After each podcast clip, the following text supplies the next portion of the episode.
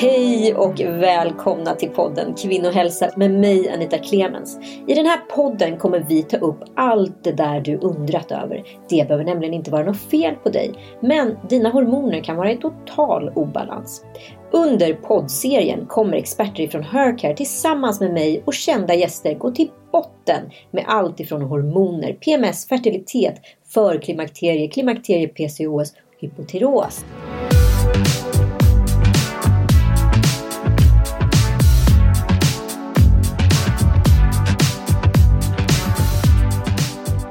Idag ska vi prata om utmattning.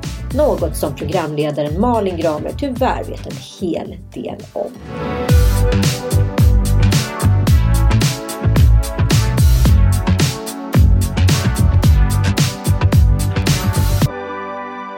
Välkommen tillbaka Mia Lundin. Ska inte du ta och presentera dig igen för nytillkomna lyssnare vem du är? Tack! Eh, jo, jag är eh, sjuksköterska, IVA-sjuksköterska i botten och jag flyttade sen till USA och skulle jobba där ett år. Det blev 37 år. Och där vidareutbildade jag mig till någonting som heter Nurse Practitioner, specialistsjuksköterska i obstetrik och gynekologi. Och nu, tre för tre, det är fyra år sedan, så kom jag tillbaks till Sverige för att starta och grunda kliniken Hercare.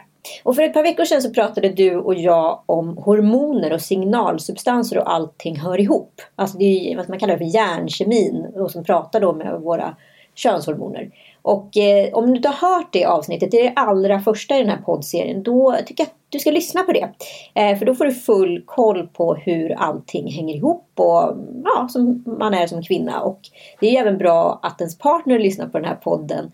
Eh, för det kan ju såklart påverka vardagen en hel del på hemmaplan. För idag ska vi prata om det som händer i kroppen när depåerna tar slut. Utmattningen. När den tar över hänger ditt liv faktiskt på en skör tråd. Så pass skör att man faktiskt inte längre vill leva. Det kommer våran gäst Malin Gramer berätta för oss om hur det känns. Välkommen till studion Malin! Tack och hej! Ehm, det här blir ju upplyftande.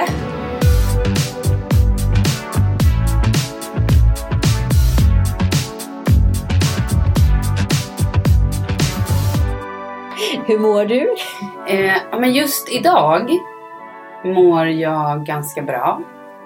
Igår eller förrgår var det fruktansvärt. Så att det, är, det är inget konstant skulle jag inte säga. Men det är lite, tar dag för dag.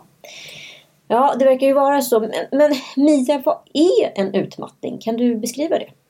Ja, ge mig ett par timmar så kan jag beskriva. Men för att förenkla det hela så är utmattning ett tillstånd som man hamnar i efter långvarig stress. Där kroppen helt enkelt säger ifrån. Nu, nu, nu räcker det. Nu får du gå och lägga dig. Och kroppen ser till att du faktiskt inte orkar med så mycket mer än att gå och lägga dig.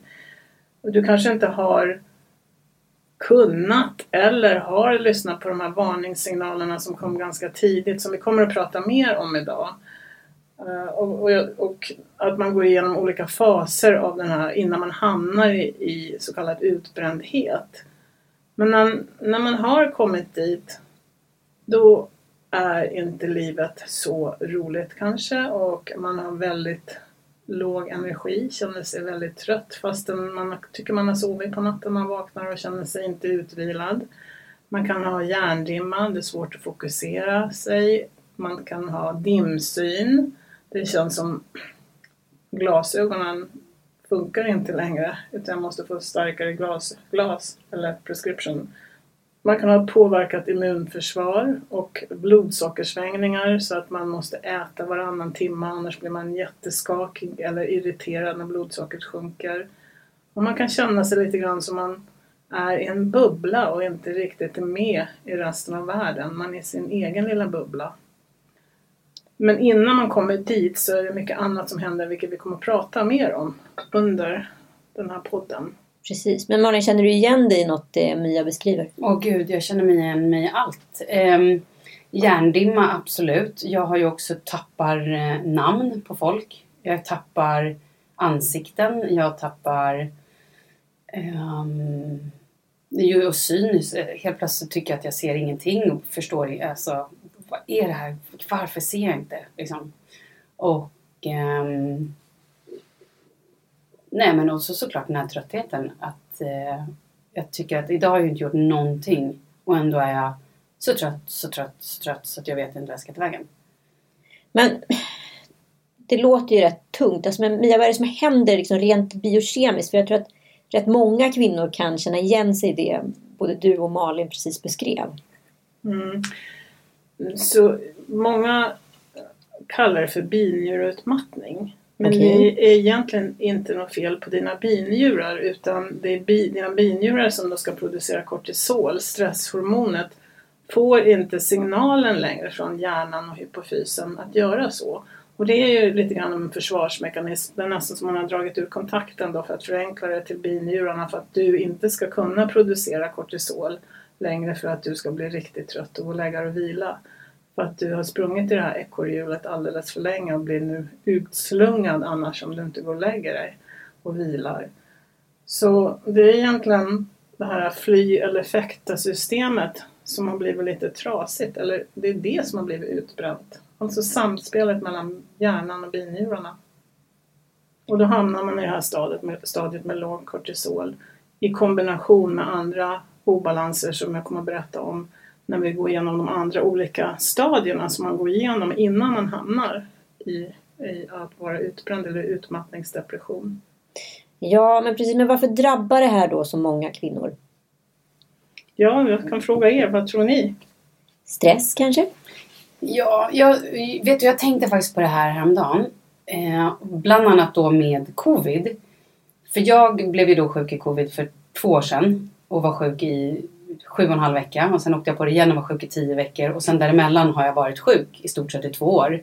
Och hörde om en annan tjej som har samma och då är det så många så här, "Ah, kvinnor drabbas så hårt. Och då tänker jag så här, men hör det då ihop med att vi gör så mycket och den här duktiga flickan syndromet. Att vi alltid ska vara vi ska sköta jobbet men vi ska också träna, vi ska också höra av oss till alla våra kompisar. Vi måste också se till att barnen kommer till sina eh, tandläkarbesök och till sina läkarbesök och vi ska också hålla koll på att resten av familjen kommer till sina läkarbesök och att vi själva gör våra grejer och att eh, någon fyller år och att alltså det känns som att listan tar aldrig slut och ofta, inte i alla förhållanden, men i väldigt många förhållanden känns det som att det är kvinnan som lite grann sköter markplan och allt. Och även sitt jobb och sina andra grejer. Vilket gör att man har, tro, tror jag i alla fall, eh, väldigt mycket på sina axlar. Och eh, jag har ju aldrig eh, alltså, satt mig ner och vilat. Nej precis, och i mitt av allt det där, när tänker man då på sig själv? Vad behöver jag, Malin, idag? Vad är det jag kan göra för mig idag? För att man hinner inte ens tänka på det. Det finns inte med på den listan som man ska klara av varje Nej, dag. halv elva när alla barn har lagt sig. Ja. Då lägger man sig i sängen och tänker så här. Okej, vad behöver jag? Åh, nej men jag behöver sova. Toppen, det var min dag. Ja. Hejdå. Men varför gör vi så? Varför tänker vi inte mer på oss själva? Är vi, tycker vi att vi inte är värda det? Eller är det att vi ska vara så duktiga och klara av allt annat och ta hand om alla andra först? Men många orsaker, många, andra orsaker, eh, du gick ju igenom många av dem, men som jag brukar nämna när jag är ute och, och pratar med kvinnor, det är den här ständiga uppkopplingen som vi alla är skyldiga till i dagsläget. Hälsohets, man kan faktiskt hetsa sig själv och stressa sig själv till att man ska vara så duktig, man ska hinna med. Man ska ta hand om alla tre barnen, man ska jobba, man ska ha heltidsjobb, man ska skynda sig till yoga för det ska man göra och det ska man hinna med. Man hinner knappt vara med på hela eh, yogasessionen för när man börjar lugna sig på slutet och ska lägga sig och vila då sticker man hem för man ska hem och laga maten. Man hinner inte ligga och andas, eh, det har man inte tid med. Ofrivillig ensamhet som vi alla har fått uppleva väldigt eh, många nu under de sista åren. Och bristen på samhörighet. Den här själv, självkritiken och egenmobbning, mobb- mobbingen förlåt, som vi gör. Att vi aldrig är tillräckligt bra på något sätt. Mm. Sen kan det vara ekonomiska virus som vi nu alla, många har gått igenom, toxiska relationer, inflammation. Men allra viktigast att det är brist på egen tid och återhämtning. Att vi inte tar den tiden helt enkelt. Men Malin, hur känner du, liksom, när nådde du en punkt som det var så här, vad ska man i filmer brukar man kalla det för point of no return. Ja, vad var det som hände? Grejen är så här att jag tror att det var just med coviden. Innan, eller om vi backar tillbaka. Jag har en son nu som fyller fem i mars. Och eh, när han föddes så jobbade jag, dels körde jag morgonradio, jobbade jag på Energy och hade live-radio varje morgon 6 till 10. Plus att jag gjorde, ja men jag tror att det var samma år, första året där, så hade jag nog tre eller fyra tv-produktioner. Och podd. Ehm, och ammade och sov inte på nätterna. Vilket nu när jag själv säger det så är det ju galet. Det, det är ju helt så här, vem gör en så? så det var nog ett startskott. Men i början så ammade jag ändå och gick på någon form av hormoner. Så att jag var ju nästan uppe vid så fem och bara yogade lite också innan jag åkte till studion. Och sen så var folk så här, men när vi gör radio, det man gör när man liksom slutar, då åker man hem och sover. Jag bara, sov? Jag kan inte sova. Då är jag ju uppe i någon form av spinn. Då måste jag ju se till att kanske äta en lunch med någon kompis. Eh, så måste jag ju podda också och sen ibland så behövde jag ju kanske åka och spela in lite TV. Och sen så klockan tre var det ju hämta skola och det var läxor och så var det mellis och det var middagar och det var fotbollsträningar och hela det där. Så bara snurrade det på och så såg det liksom ut hela, hela tiden. Och jag satt aldrig ner. Just det här med återhämtning. Jag vet fortfarande än idag inte riktigt. Vad, jag vet inte vad återhämtning för mig är. Och det är ju någonting jag fortfarande håller på och eh, tvinga mig till att jag måste återhämta mig. Så, men jag gör det inte varje dag. Och jag vet inte ens riktigt hur en del, alltså min man till exempel, han kan ju sitta och vara supertrött. Då sätter han sig i, på sitt jobb i soffan och så somnar han en kvart. Eller hemma när han kommer hem och sitter med barnen och ska bara kolla lite Petson och Findus. Då somnar han. Men jag kan inte det. För jag är liksom ständigt uppe i så här i tankevarret eller vad man ska säga. Men, och tillbaka då. Så där, det var ju såklart det var ju inte början på det.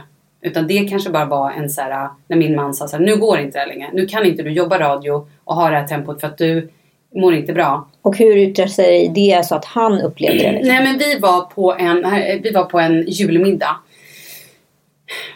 Där alla kompisarna var liksom, vi hade ätit middag och alla kompisarna ville ju såklart gå vidare. Vi gick vidare och jag var bara lite småirriterad och var såhär, men jag måste hem och sova. Jag ska upp fem imorgon. Jag, jag kan inte säga, jag kan inte hålla på och ha kul. Men fan ha kul? Vi jobbar. Vad håller ni på med? Jobb är viktigt. Typ så. Och de bara tittade på mig, du dum i huvudet typ. Eh, och jag åkte hem, jag sov. Och jag åkte alltid hem och sov. Det enda jag gjorde. Jag var aldrig med på någonting. Jag var alltid trött. Jag var liksom aldrig, för jag jobbade bara. Jag missade allt, alltid. Och eh, till slut satt dansaren och bara, nu vet du vad, nu får du typ välja familjen eller ditt jobb. För att du kan inte ha det så här länge. Det är inte, det är inte kul. Du då? Du kan inte ditt jobb! Tyckte jag. Kunde han tydligen inte. Eh, men, eh, och till slut så bestämde jag mig för att säga okej, okay, men jag måste göra det här. Jag måste sluta för jag mår inte bra. Och då sov fortfarande inte mitt barn hela, alltså så jag vaknade ju fortfarande liksom flera gånger per natt eh, av att han inte sov. Och sen slutade jag. Och sen då hopp till två år sedan med coviden. Då blev jag sjuk. Och sen slutade aldrig febern. Och men... jag har tagit så mycket prover och då var det en läkare som sa så här, men du med, liksom, jag känner ju dig, jag vet ju hur du, för alla prover jag tog var fantastiska. Jag var som en 25-åring. Allt var så otroligt bra. Vilket var så provocerande. Alltså jag bara grät när jag fick svaret. Och då var han så här, jag tror att du faktiskt är utbränd. Du måste ta och eh, hitta återhämtning.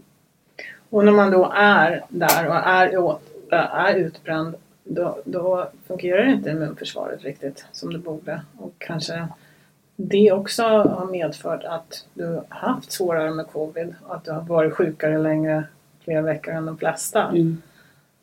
Men man går ju igenom olika stadier av innan man hamnar där och det är precis det du berättade om att i början är det så här ekorrhjulet, man springer och springer, man kämpar på och man gör det man tycker man måste göra.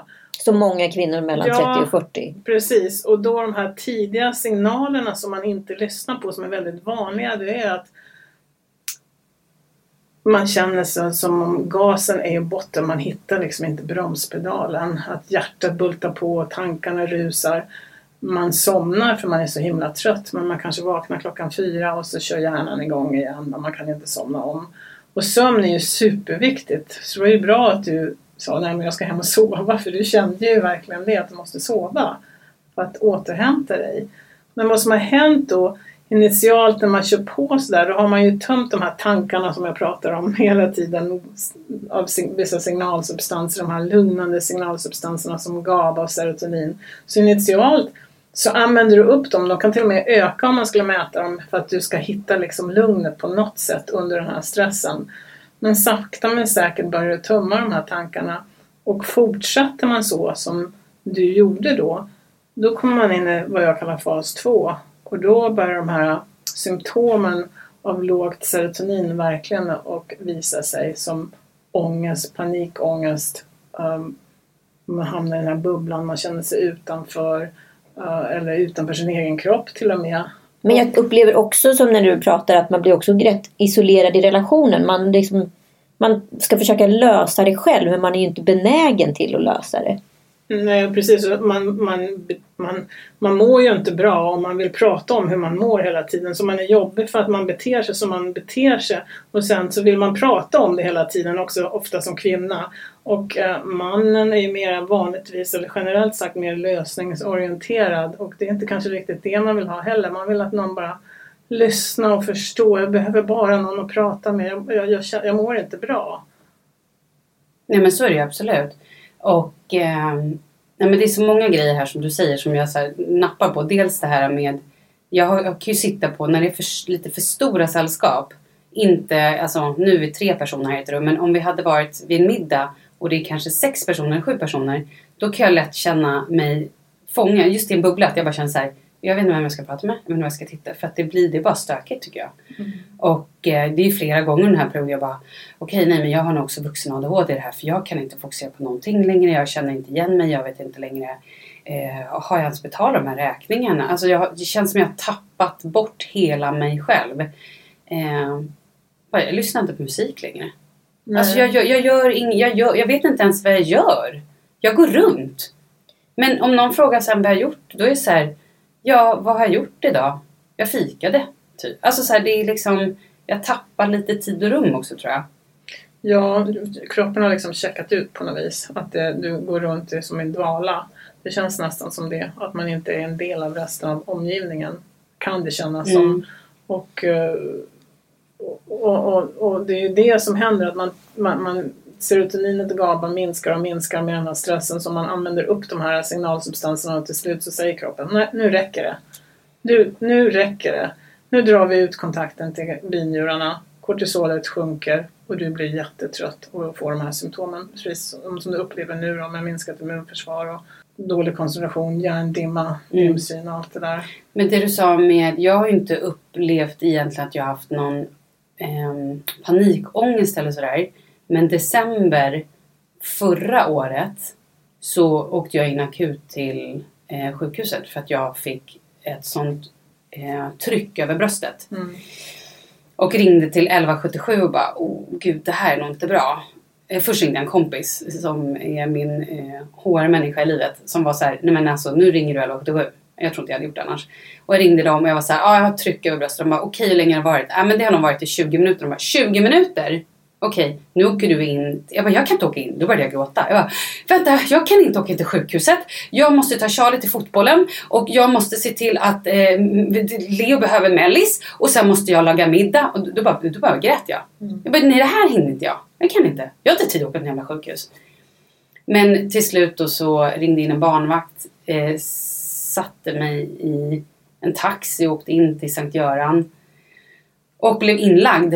Och de eh, tog då så, och sådana där grejer vilket eh, de bara, men det här det är någonting som inte stämmer för den skenar, den är liksom oregelbunden och det, den följer inte hur den ska och det var, alltså det, var, det kom så mycket folk in, ut och in och alla var så här, liksom, men kände att de var påtagligt stressade för att de inte riktigt liksom, vi hittar inte att det är en eh, hjärtinfarkt men vi hittar heller inte att du är fine utan så här, det är något som är fel.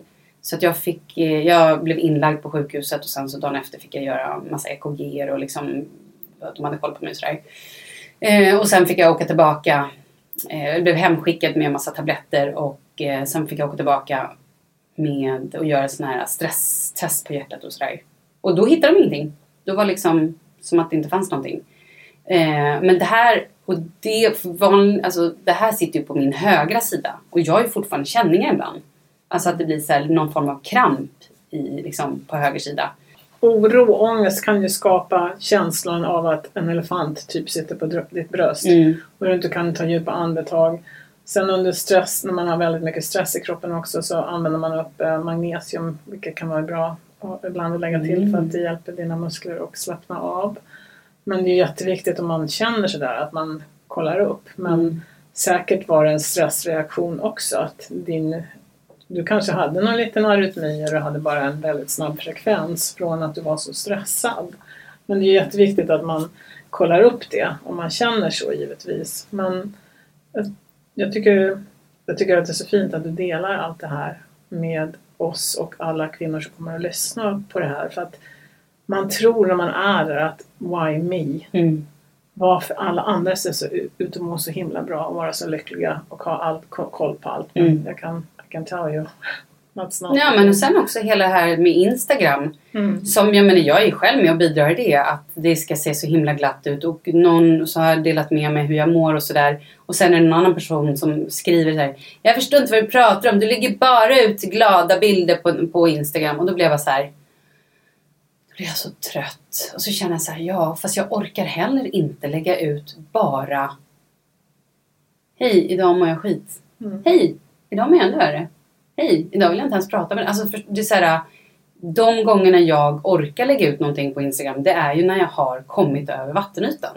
För annars kan jag inte lägga ut någonting. Jag kan inte göra någonting. Jag kan inte ens gå in på min telefon. Jag, får, jag, jag har sån ångest så att det är liksom...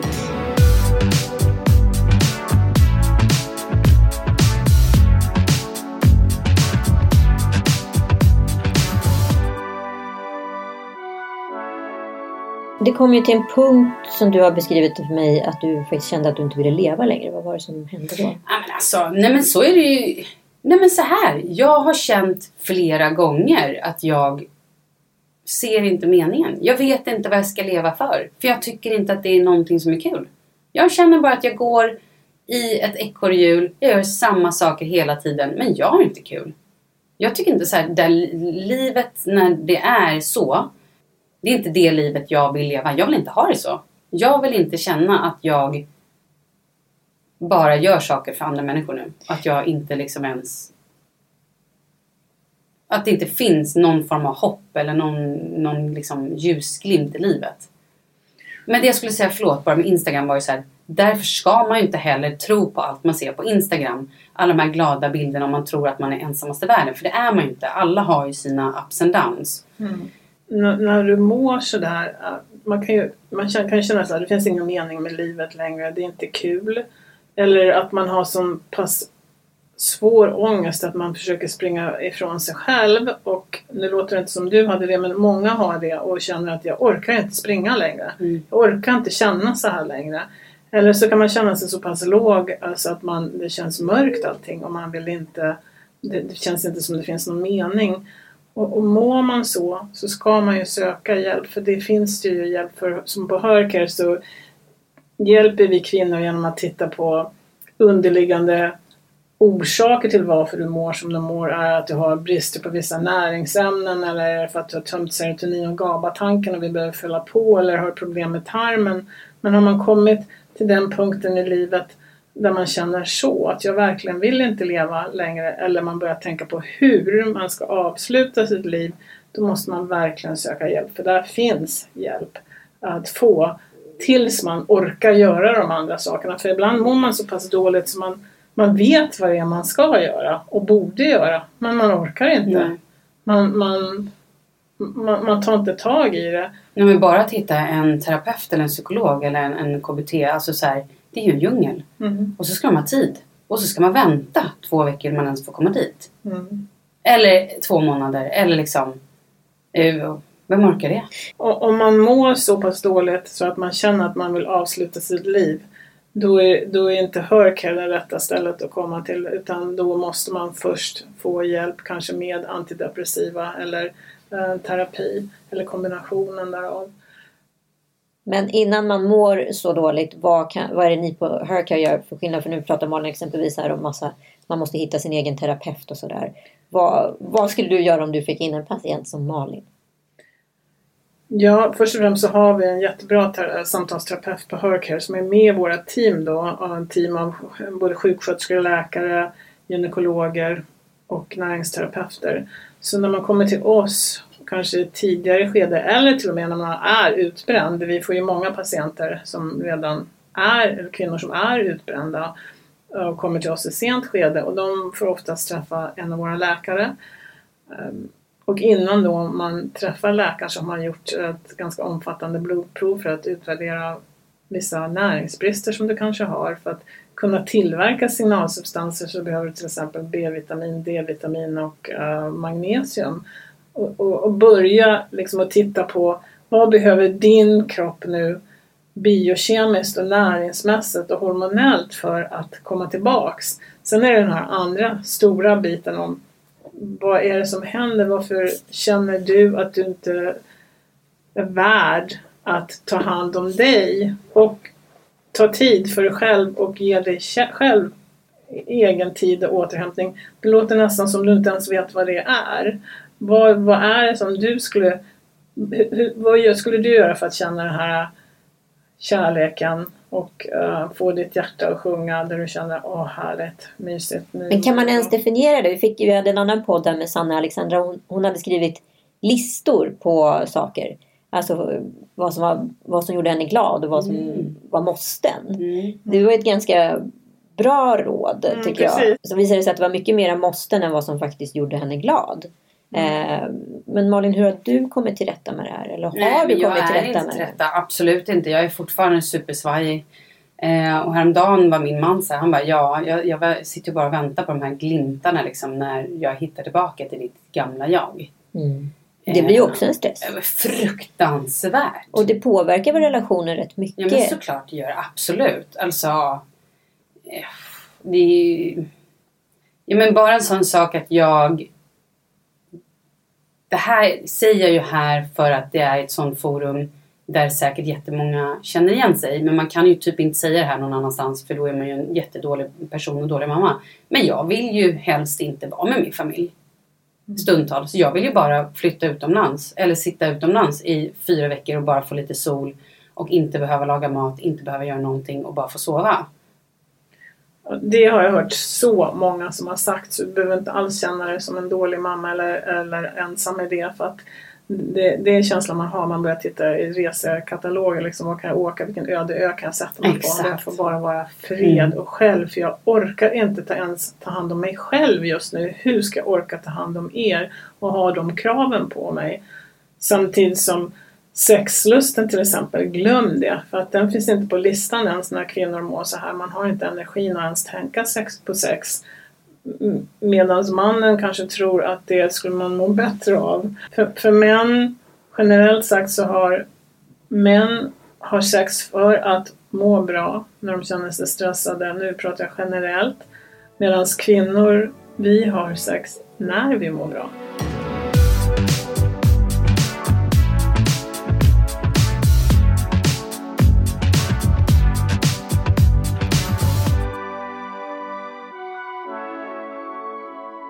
Malin, du sökte vård och fick delvis hjälp. Men eh, vad, vad, vad hände? Nej men alltså, gud var ska jag börja? Under då de här två åren så har jag varit lite olika. Nej, det har nog inte hänt så jättemycket. Nu har jag faktiskt precis varit hos Hercare och jag har gjort det här blodprovet och det visar sig att jag har brist på B-vitamin bland annat. Och, så nu väntar jag faktiskt på att få en tid hos er psykolog. Mm. Så där är jag lite nu. Eh, men jag har också messat någon kompis i förrgår när livet var supermörkt och bara okej, okay, nu måste jag få numret till din den där terapeuten som du har pratat om så länge. Liksom. Eh, så nu har jag fått numret och nu är det bara att jag måste ringa den här personen också. Det kanske jag gör idag. Det blir också ett projekt i sig själv. Det är ju väldigt lätt att säga att man ska leva inifrån och ut. Men vad betyder det här i praktiken, Mia? Ja, för mig betyder det att uh, insidan är mycket viktigare än utsidan. Och uh, samt samma sak med beauty. Beauty comes from inside. Uh, och jag tror att det är lite för mycket fokus hos många i Sverige idag på utsidan och kanske inte värderar det här att det är viktigt att ta hand om insidan också. Se till att ge din kropp vad den behöver för att fungera och ta bort det som blockar den funktionen. Och det som blockar den just nu för dig då kanske är just det här att du har gjort för mycket. Du har inte tagit hand om dig själv och nu har du kommit till en punkt där jag orkar inte. Jag vet inte var jag ska börja. Kan någon bara hålla mig i handen och leda mig igenom det här? Här, kom ta min hand nu så går, går vi på den här, åker vi på den här resan tillsammans. Det är lite så det man behöver när man hamnar där du är. För att bara ta tag i sig och börja någonstans kan vara jättejobbigt. Men hur lång tid tar en sån här process? För det är ju inte ett quick fix, det hör man ju. Nej, det är det inte. Utan man måste ju börja och lägga pusslet och mm. lägga de bitarna som fattas och ta bort det som inte är så bra. Men ju längre man har mått sådär, lite längre tid tar det att återhämta sig. Man ska inte säga komma tillbaks, för komma tillbaks det var ju ingen bra ställe, utan hitta ett annan typ av um, levnadsstil som kanske fungerar bättre för dig. Ibland krävs det att man blir riktigt sjuk för uh, när man inser att mm, det där var inte så bra. Och, jag kanske inte håller på med det som jag skulle hålla på med. Kanske inte, jag kanske är i fel yrke. Det kanske är som att försöka få en square plug into a round hole. Det funkar inte riktigt. Ibland krävs det nästan att man blir dålig innan man inser det. Och nu gäller det bara för att du ska få tillräckligt med support och energi och eh, förståelse i vad det är som har hänt och att komma igång och med, med, med någon som nästan liksom håller dig i handen och leder dig igenom det här. Mm. Ja, jag, men jag har börjat gå på eh, yoga nidra bland annat och så här, eh, yoga restorative. Mm. När man får, som då, när man ligger på det här passet som är 45 minuter så ska det motsvara ungefär 3 till 4 timmars liksom, djup sömn. Vilket har varit, det har, kan jag säga, så här, det har verkligen varit så himla bra. Men jag skulle ju också behöva ja, men lugn och ro höll jag på att säga. Och även menar, gå till en terapeut, inte vet jag. KBT två, tre gånger i veckan. Lite så känns det ibland. Mm. Och sömnen är ju jätte, det allra viktigaste. Mm. Att man får sova. Att man verkligen man skulle kunna sova, sova, sova. Du är därför du vill åka till den här öde ön själv. Du bara liksom får sova och inte bryr dig om något annat. Mm. Nej men för ibland kan det ju vara till och med så att stressen i en träning kan också orsaka liksom ännu mera ångest. Det är inte alltid, ibland behöver man ju faktiskt bara återhämtning. Det har vi pratat en del om. Mm. Det är en av frågorna som vi har i vårt hälsoformulär. Eh, tränar du? Ja. Hur mår du efter träningen? Mår du bra? Ja. Nej, jag känner jag får en sjukdomskänsla, influensasymptom dagen efter jag har tränat. Ja, då var det väl inte riktigt vad din kropp behövde just nu utan det kanske är hellre att du skulle gå ut i skogen och bara sätta dig och lyssna på fåglarna. Inte lyssna på någon podd mm. utan bara gå ut i skogen och sätta dig. Andas. Tomglo. Göra ingenting. Det är tillåtet. Men du känns så här, men gud jag gör ingenting. Det är inte okej. Okay. Mm. Det är precis som vi måste göra Prestationen, ja. den ställer till det. Men eh, snabbt då Mia, vad skulle du säga om man nu känner sig så här, åh gud jag tar till mig det här avsnittet, jag tar till mig det alla säger, men var ska jag börja? Kan du säga de tre viktigaste åtgärderna för vilsna lyssnare där ute? Ja, allra viktigast är ju först och främst att ta det här på allvar och inse att jag måste göra någonting, jag måste ta tag i det här. Uh, och då är det sömn, är jätteviktigt. Nu blir det inte bara tre, är det okej? Okay? Det är okej. Okay. okej, okay, så sömnen som jag sa är jätteviktig, att man tar tid för återhämtning och egen tid och verkligen tänka efter vad är det som får mig att må bra. Och sen att, att man får i sig näringsmässig kost och att man ger kroppen vad den behöver för att verkligen bygga upp den här grunden som har rasat lite grann. Man måste börja nästan där och ge kroppen vad den behöver och då är det viktigt att också tarmen mår bra så att man kan ta upp den näringen som man äter. Ehm, så genom att man gör det så ser man också till att man på många sätt fyller på den här serotonintanken igen. med rätt näring, mer rätt mat, se till att tarmen mår bra och också se till att man stoppar utflödet. genom att gå på restorative yoga som du gör, verkligen bara vila, vila, vila. Så det är en bra start. Ja, och sen tror jag det är viktigt att vi pratar om också att man utgår från vad som funkar för mig och känner efter där. Eh, för allting funkar ju inte för alla. Det tror jag är liksom en vanlig liksom misstolkning. Så, ja, men nu såg jag att det här funkar för dig och så upplever man inte alls samma sak. Nej precis, en del klarar inte av att gå på yoga, det, det går för långsamt. Mm. Eller om man är i den här fas 2, oro, ångest och panikångest. Du, du, du kan inte be någon att sätta sig och meditera. Det går inte. Man kan inte stänga av. Man hittar inte den knappen. Liksom. Nej, jag kommer ihåg när jag mådde som sämst. Liksom, det var kaos på alla plan. Liksom. Brinnande skilsmässa, ensamstående varannan vecka med allt vad det innebär. Och liksom, ny till den, den typen av liv och sjuka föräldrar. Jag kommer ihåg att jag hade så här så darrtick precis vid ögat och sen så fick jag de här trycken över liksom hjärtat och trodde liksom att jag skulle få någon hjärtinfarkt hela tiden så jag började liksom hålla på och vicka handen fram och tillbaka och det här kom liksom när jag märkte att så stressen var så otroligt hög. Jag kommer faktiskt inte ihåg vad jag gjorde för att komma tillbaka men hela systemet var ju någon form av kortslutning. Vad, vad, vad ska man göra? När man liksom, take five funkar ju inte riktigt. Nej, det, det, är precis så, så som många mår uh, under den här tiden. Och förresten, när man har det här ont i bröstet och uh, tryck över bröstet så kan det också vara att man har inflammation i matstrupen som kan verkligen kännas som en hjärtinfarkt. Och det kan, det kan, eh, uh, man, man, känner det här trycket och det gör jätteont. Det går ut rakt igenom ut i ryggen. För att mag-tarmsystemet fungerar inte så bra när kroppen och nervsystemet tror att du springer från tigern. Du kan inte äta då. Det är inte meningen att du ska äta. Det är inte meningen att du ska bli gravid. Så kontakten dras också ut till äggstockarna så man inte får riktigt bra ägglossning och man hamnar då i en hormonell obalans sekundärt till den här uh, stressen man har utsatt sig själv för.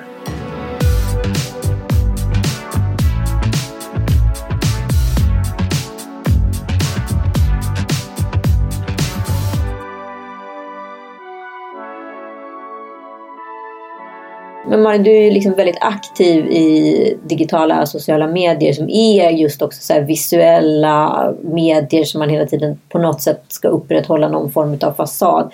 Hur tror du det har påverkat dig? Nej men det är ju fruktansvärt. Jag känner ju att jag är död. Jag säger ju ofta till folk att jag är död. Och när jag då ska försöka ta en, så här, en smile och en bild. Nej, men jag, jag kan typ inte le. Alltså, så här, jag känner mig så...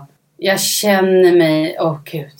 Nej men du... Oh Ja, nej men det är inget härligt. Och det är ju en sån bransch också. Herregud, jag jobbar som programledare. Jag känner ju nu att här, ja, det, det branschen helst vill ha det är ju egentligen en influencer som är 25 och alla jobbat med TV förut som bara har många följare. Och det är ju också en stress. Att så här, aha okej, okay, här går jag runt och är då liksom eh, utbränd och allting men det jag borde är ju bara försöka fixa ett jobb och så bara, men gud kommer jag ens få ett jobb någonsin i hela mitt liv? Eller så här, har jag gått i pension nu? För jag är ju jag är över 40, det är väl ingen som vill ha mig. Och den känslan är också fruktansvärd att gå och bära på. Att så här, inte bara att jag är då utbränd utan helt plötsligt så är jag troligtvis också passé, gammal och eh, värdelös. Och det blir ju bara en, alltså den spiralen att tackla det är så här, mm, Det är ju, hur, hur fan bygger man upp sig själv därifrån? Men ibland så finns det en anledning till att man går igenom saker och ting. Ja, Som anledningen att jag sitter här och pratar om hormoner har jag gjort de sista 35 åren är för att jag gick igenom den här förlossningsdepressionen som jag pratat om tidigare i avsnitt. Men, och då var det så här, why me? Vad fasiken ska jag behöva gå igenom det här för? Och alla andra ser ut att må så bra. Och då vände det till någonting positivt istället. Kanske det. Det här så kanske blir din nya karriär. Att uh, vända det till det istället. Att det är det du ska hjälpa andra kvinnor med för att det är så många som sitter där, just där i sociala medier och uh, låtsas må bra när de faktiskt inte gör det. Jag säger mm. inte att du gör det, men att, att de som gör det och får andra att tro att de mår så himla bra. Vi kanske ska börja prata mer det här utan att skämmas och kunna dela mer hur vi mår mm. som kvinnor. Att det är okej. Okay. Vi behöver inte ha den här fasaden att allting är så bra kanske vi alla skulle må bättre och kunna sänka ribban lite grann om vi delar med oss av det.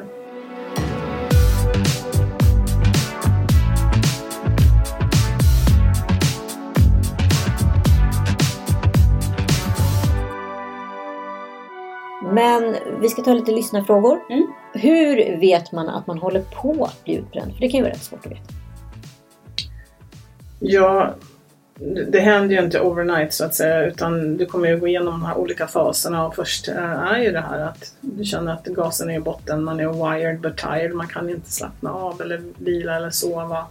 Och eh, vakna tidigt på morgnarna och att den, det sen leder till kanske mer oro, ångest, panikångest och helt plötsligt så ändras symptomen till just det här att det är inte så mycket ångest och panikångest längre utan det är det här tröttheten, hjärndimman, um, ehm, immunförsvaret är inte på topp.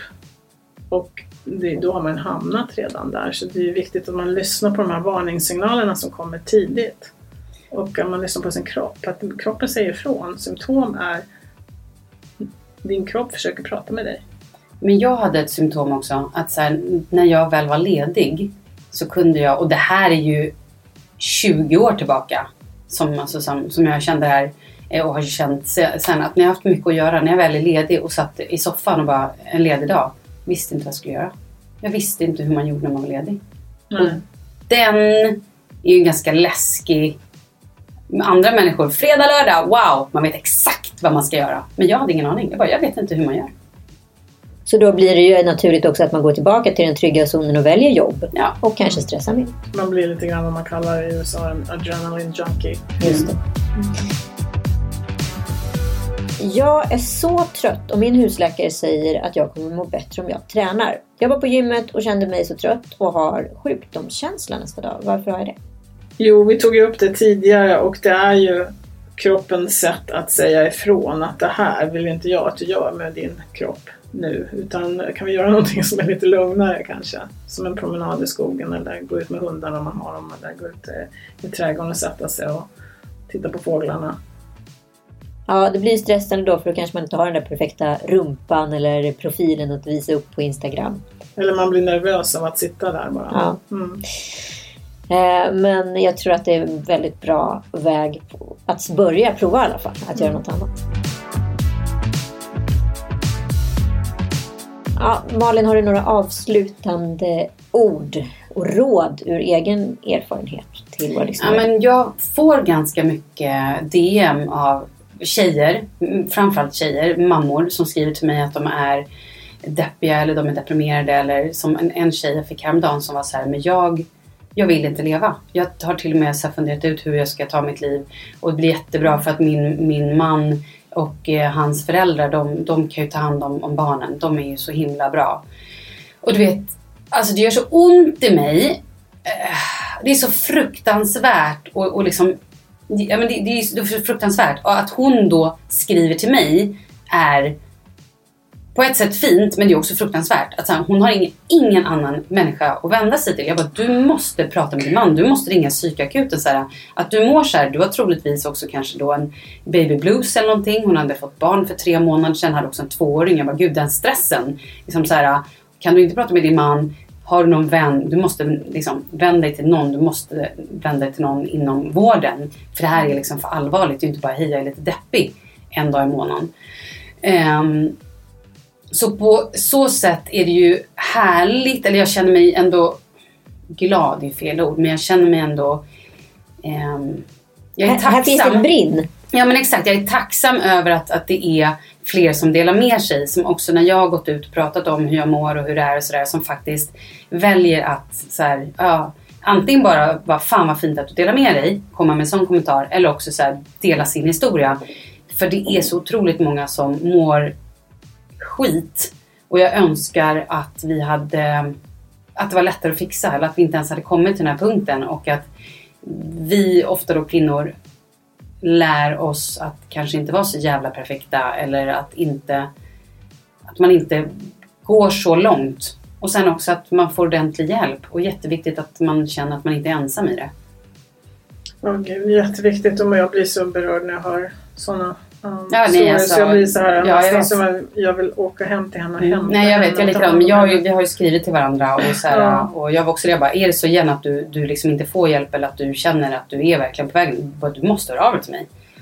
Och att det inte finns något ställe då som man kan verkligen komma till där man får, där någon tar tid och lyssnar på en och ger en den här um, supporten som man verkligen behöver när man mår så. Och man behöver den på så många olika sätt också. Det krävs kvinnokliniker för det här där man förstår vad det är kvinnorna går igenom och man kan hjälpa dem på rätt sätt. Och det är inte bara här får du ett p-piller och ett, pill, ett annat med antidepressiv, hej då, vi ses om ett år. Utan här, här krävs ett annat engagemang där man känner sig trygg och får tillit för det här stället man kan komma till och bara få... Ja, det, det finns inte. Det, man ramlar mellan stolarna idag från, inom psykiatrin och vårdcentralen. Jag klandrar inte läkarna heller utan det är inte deras fel utan systemet är inte riktigt upplagt för att kunna ta hand om den här typen av um, problematik. Nej. Och det är vi, jättetrist. Ja, vi ska ju faktiskt ha Ebba Busch här som gäst och vi ska prata en hel del kvinnovård med henne. Eh, så vi kommer återkomma till det här ämnet. Tack snälla Malin för att du kom och gästa oss och tack Mia för att du kommer in otroliga kunskap inom det här. Det finns hjälp att få. Eh, vet man inte var man ska vända sig men vi börjar någonstans. Gå in på hercare.se. Vill du få bättre koll på din cykel och kanske kunna registrera lite symptom. Då finns det faktiskt en app också som Hercare har att ladda ner. Det kan vara en liten, liten bit på en lång väg till någon form av tillfrisknande. Vi hörs igen om en vecka. Tack för att ni lyssnat och prenumerera gärna på oss och skriv gärna en recension så blir vi glada. Tack!